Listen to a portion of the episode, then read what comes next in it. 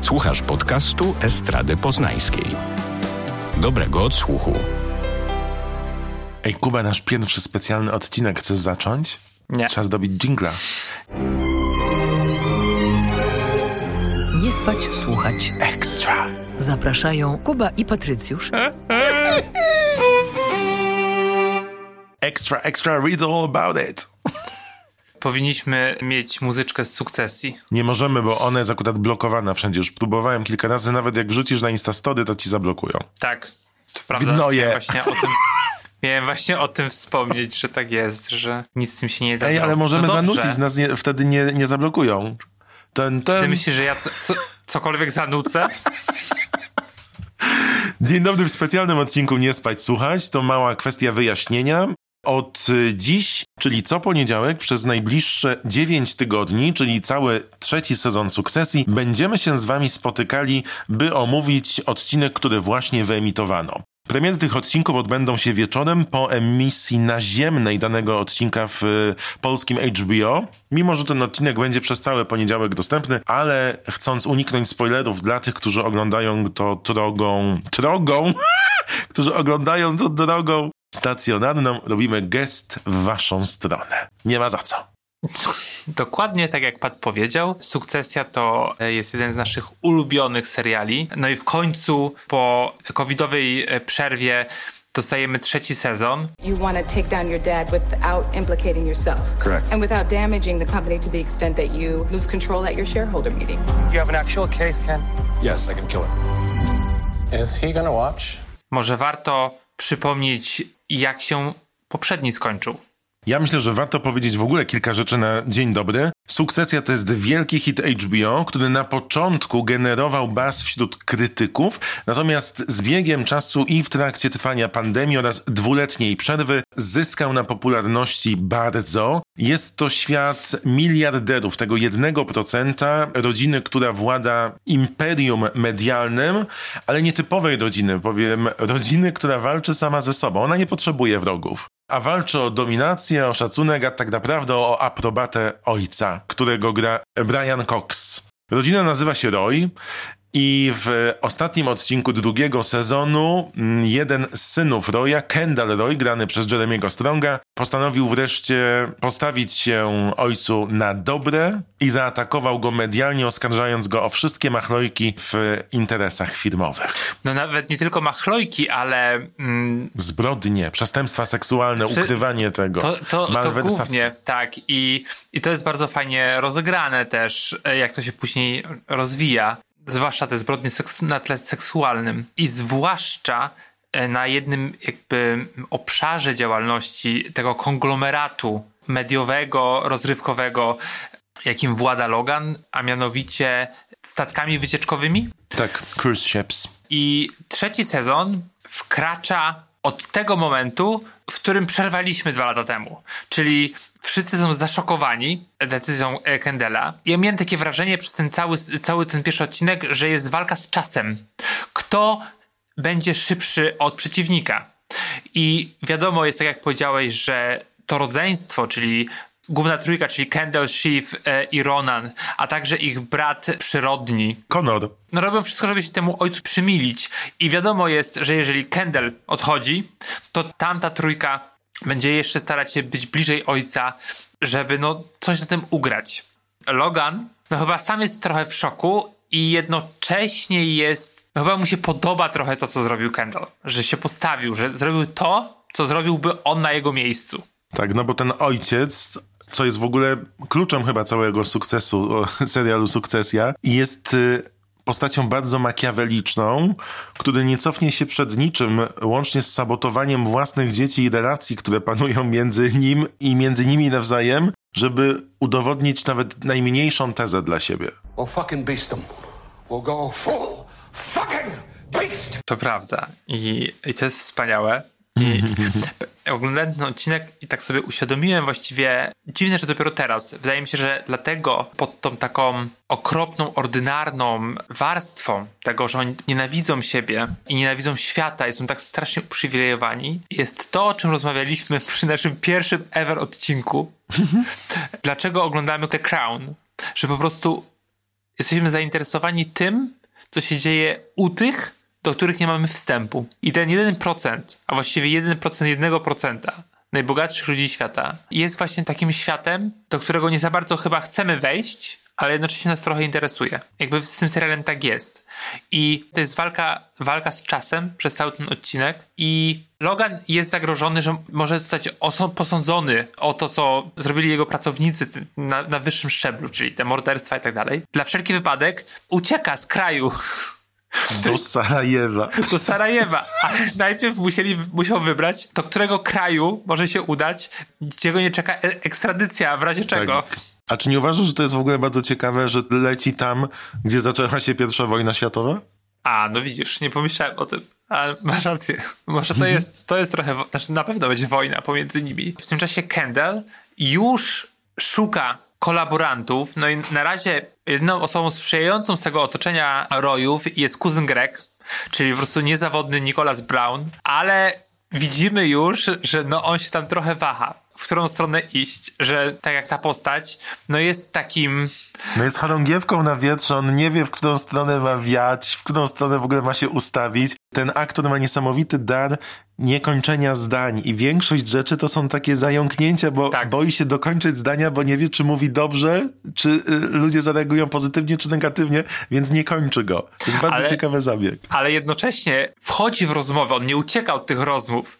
I dzisiaj przed nagraniem tego odcinka oglądałem wywiad y, z większością obsady, tą główną, u Koberta no i e, właśnie Nicholas Brown opowiadał taką anegdotę, jak się przygotowywał do roli Grega, który no jest taki właśnie, że on wchodzi wtedy takie dziwne i niezręczne mm, konwersacje. No i mówił, że wybierał sobie różne sklepy, chodził tam, stawał przy kimś bardzo blisko i zaczynał rozmawiać, ale ma pan, pani ładny zegarek. Co pani teraz kupuje? I, i mówi, że byśmy się wszyscy zdziwili, jak bardzo często osoby kontynuują, konwersują i chcą prowadzić te durne rozmowy, takie wiesz, trochę smoltoki. takie smoltoki, ale takie cringe'owe. I mówi, że on już ją dosyć, a ludzie dalej i dalej jakby ciągnęli. On wtedy nie był znanym aktorem, więc jakby to nie jest tak, że ktoś wiedział, mm -hmm. że przygotowuje się do roli. I to się przewija przez te wszystkie trzy sezony sukcesji, że ten Greg po prostu cokolwiek się nie dotknie, jest takie właśnie no żenujące. I on jedzie w samochodzie z Kendallem. Kendall prosi go, żeby po prostu przeglądał e, social Twitter. media. I po prostu to jest tak żenująca sytuacja, no bo on mówi, no ale wiesz, no nie mogę dotrzeć do końca, do końca internetu, bo tego jest dużo, jakby nie mogłem tego wszystkiego przeczytać, bo internet jest duży. No jest serio. I nagle mówi, że chyba cię papież obserwuje. A, a Kendall, jak ten idiota, Naprawdę? Mm. You're the number one trending topic ahead of tater tots and the Pope followed you. Wow. Właśnie tym pokazuje, i, na, i oczywiście to nie był papież, tylko to był Epo, to nie był Epope, tylko to był The Pope. To jest ta różnica, ale reakcja Kena pokazuje to, że chce się oderwać od tego ojca, tak naprawdę robi pod, pod publiczkę i dla siebie, żeby y, błyszczeć, żeby być na świeczniku. I to jest y, świetne świetnie zagrane i świetnie pokazane. Bardzo ciekawa jest też pozycja Logana, czyli tego jej głowy rodziny, ponieważ on rozpoczyna ten sezon walką na wielu frontach. Zaczynamy od tego, że musi stanąć po drugiej stronie swojego syna, co pewnie sprawia mu przyjemność, bo chce, żeby coś mu udowodnił. Z drugiej strony ma udziałowców, przez których właściwie doszło do tych perturbacji finałowych i przez których ten syn zwrócił się przeciwko niemu. Udziałowcy nalegali na to, żeby Logan znalazł kozła ofiarnego odpowiedzialnego za wszystkie te zbrodnie i i przestępstwa na tle seksualnym, uciszania, morderstwa, no okropne rzeczy. Ten wątek nie został rozwiązany, bo mimo tego, że Kendall oskarżył ojca, no to nadal nie wiemy, co się stanie z tą firmą i z tymi udziałowcami. Jedyne rozwiązanie Logana na bieżąco to jest znaleźć kogoś, kto będzie nowym prezesem ale też, no przecież ma cały kongres za sobą, przed którym rodzina zeznawała w drugim sezonie, czyli ma jeszcze kwestie prawne do rozegnania i do zażegnania tego sporu. No i przypomnijmy, że on jest po udarze i z jego zdrowiem nie jest najlepiej, chociaż ta wola walki trzyma go bardzo, bardzo mocno. I to jest odcinek, w którym wszystkie te rzeczy dolewają tylko oliwy do ognia, związanej z tym, że żadne z jego dzieci nie jest tym, kim on by chciał. No właśnie pytanie, czy on by co- cokolwiek chciał od nich. Wydaje, że on po prostu ich nienawidzi. On by I- chciał po prostu swoje kopie i bardzo żałuje, że tak nie jest. Tak, no masz rację, ale jednocześnie właśnie to takie uzależnienie od tego ojca, to jest em, dlaczego te dzieci przy nim są? Dla pieniędzy, czy faktycznie z takiego przywiązania? No i wydaje mi się, że jednak, że jednak jedno z drugim ma wiele wspólnego. I jest taka świetna scena, kiedy wsiadają do samochodu, przy, przylatują, Roman, czyli Kalkin pyta, tato, czy mam jechać z tobą? A Logan mówi, chcesz zrobić mi laskę? tak wiesz, wredny po prostu na maksa i zamyka te drzwi, zatrzaskuje i wtedy Roman mówi, powiedział to do własnego syna, kiedy zalewają go oskarżenie o molestowanie seksualne. to jest po prostu klasyczna, klasyczna e, reakcja tego, te, tej postaci, znaczy obu postaci właściwie, ale też Roman nie mówi mu to wprost w twarz i to jest też takie bardzo symptomatyczne mm, dla tych wszystkich postaci, że nikt mu nie mówi nic prosto w twarz. Oglądam od początku sukcesję, żeby sobie zrobić mindfucka, czyli od pierwszego sezonu. I już to tam jest widoczne. To, co dzieci chcą powiedzieć ojcu, mówią tak naprawdę albo sobie, albo mówią e, innym współpracownikom, jak Jerry na przykład, czy Frank. To jest historia piekielnie dysfunkcyjnej, prawie że patologicznej rodziny, w której nie ma dobrej postaci, co jest dla mnie nadal niezwykle fascynujące. Bo nawet kiedy myślisz, że mamy do czynienia z kimś dobrym, patrz Shiv, to potem pojawia się odcinek, w którym ona nakłania ofiarę przestępstw seksualnych i ją szantażuje i już wiesz, że nie jest postacią pozytywną. Absolutnie. Zadajesz sobie pytanie, dlaczego ja to oglądam? Ale to jest chyba e, ten miks tego, co powiedziałeś, czyli że mamy ten promil najbogatszych na świecie, którzy nie przejmują się niczym, ani e, żadnym życiem ludzkim, światem, ekologią. Najważniejsze są oni, ego, ich pozycja i akceptacja ojczulka, co jest fantastyczne w tej gradacji potrzeb. Rzeczywiście trochę tęskniłem za tym i mamy do czynienia z sezonem trzecim, w którym będzie dziewięć odcinków. Na razie jesteśmy na etapie po zakończeniu pierwszego epizodu, gdzie tę potyczkę między ojcem a synem, bo tak na to zanosi się, że to będzie główny wątek tego sezonu po tym epizodzie, wygrywa syn, ponieważ udaje mu się zatrudnić najlepszą prawniczkę na świecie. Tak, i to jest teoretycznie przyjaciółka Shiv, w sensie teoretycznie, bo nie sądzę, że Shiv ma jakieś przyjaciółki. E, to prawda i to też jest tak, że to jest bardzo istotna postać, którą gra Sana e, Layton, dlatego, że Logan musi na moment zejść z tronu tej swojej firmy, musi wybrać osobę, która będzie no, twarzą poniekąd tego konfliktu, e, tej całej sytuacji. No i oczywiście i Roman, i Shiv mają chrapkę na to stanowisko, nawet tymczasowe, to jest super dziwne. No i Shiv najprawdopodobniej zdobyłaby, powiększyła swoje szanse na, mm, na zajęcie tego tronu i jakby faktycznie załatwiła tę prawniczkę. No i ona się do niej udaje. Pomimo, że już wtedy wie, że ona się nie zgodzi na to, jeszcze nie wie dlaczego się nie zgodzi, ale idzie tam.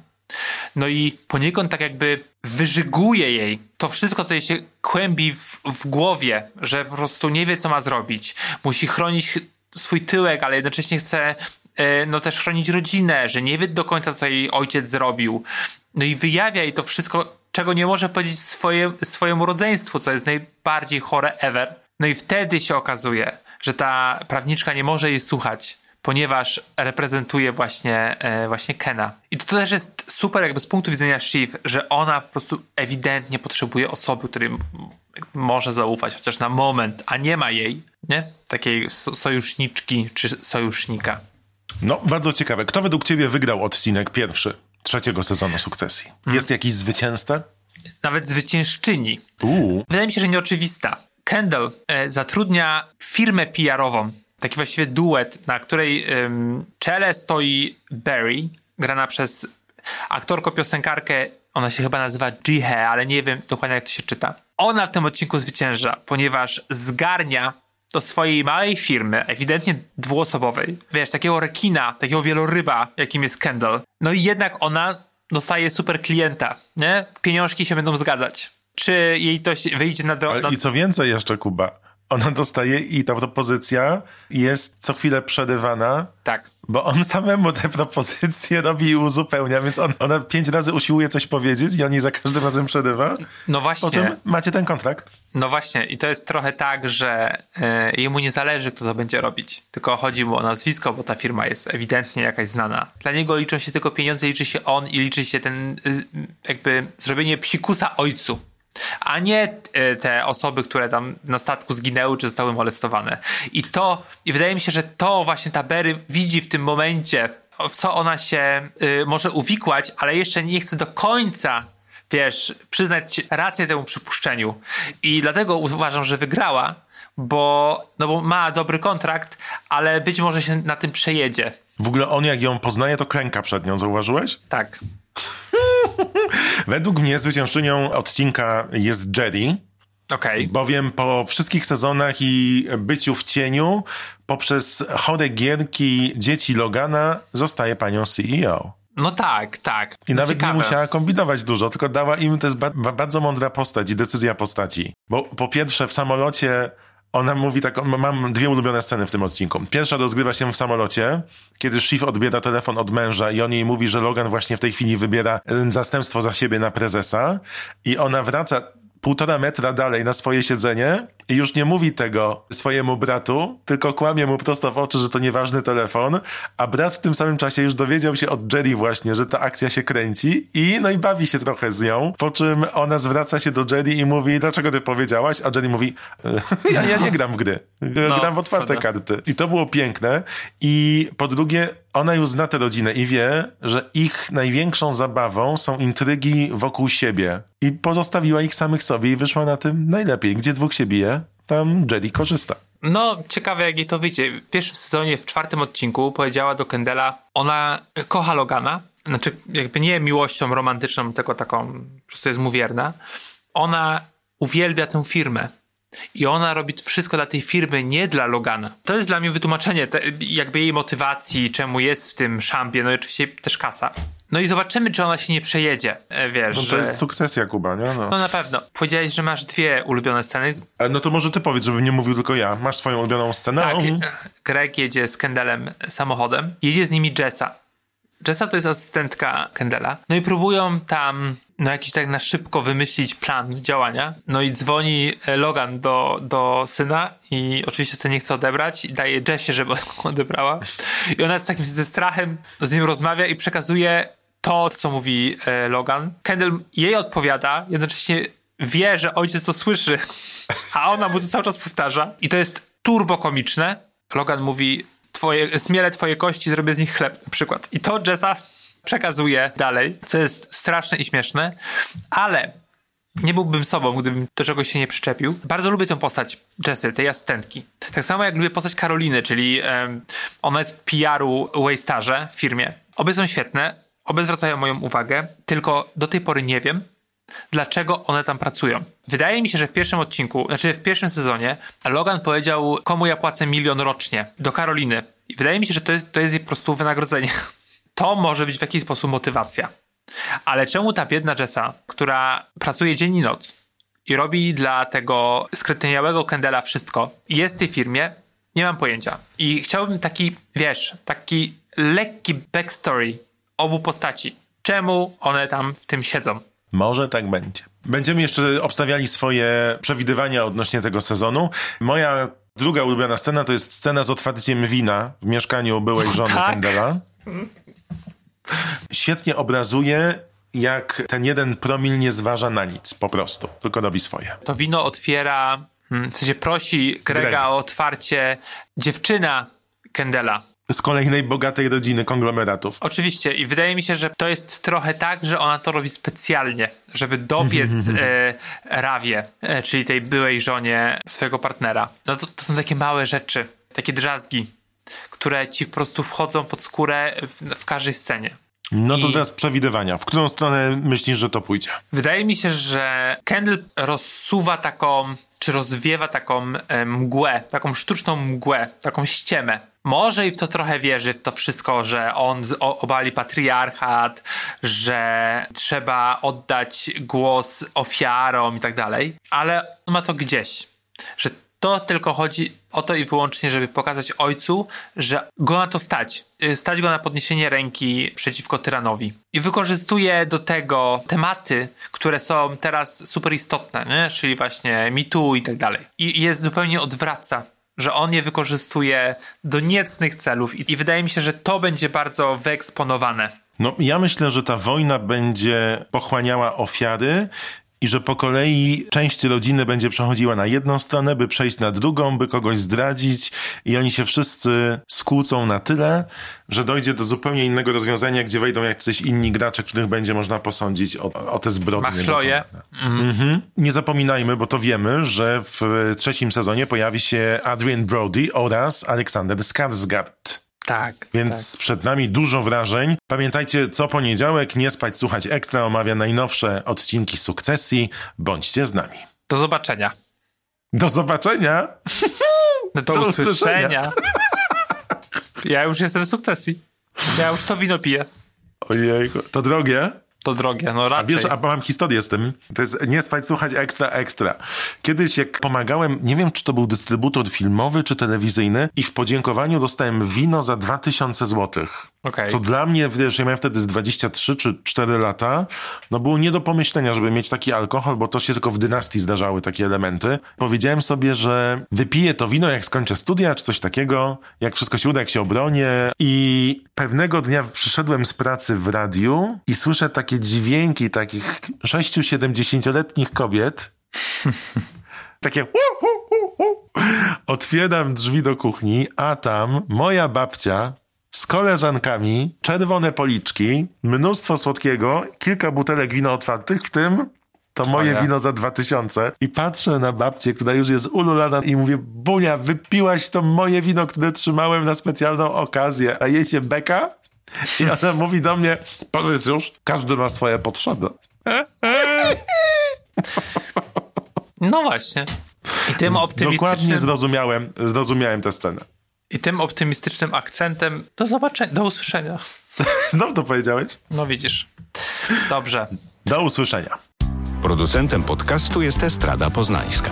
Więcej na estrada.poznan.pl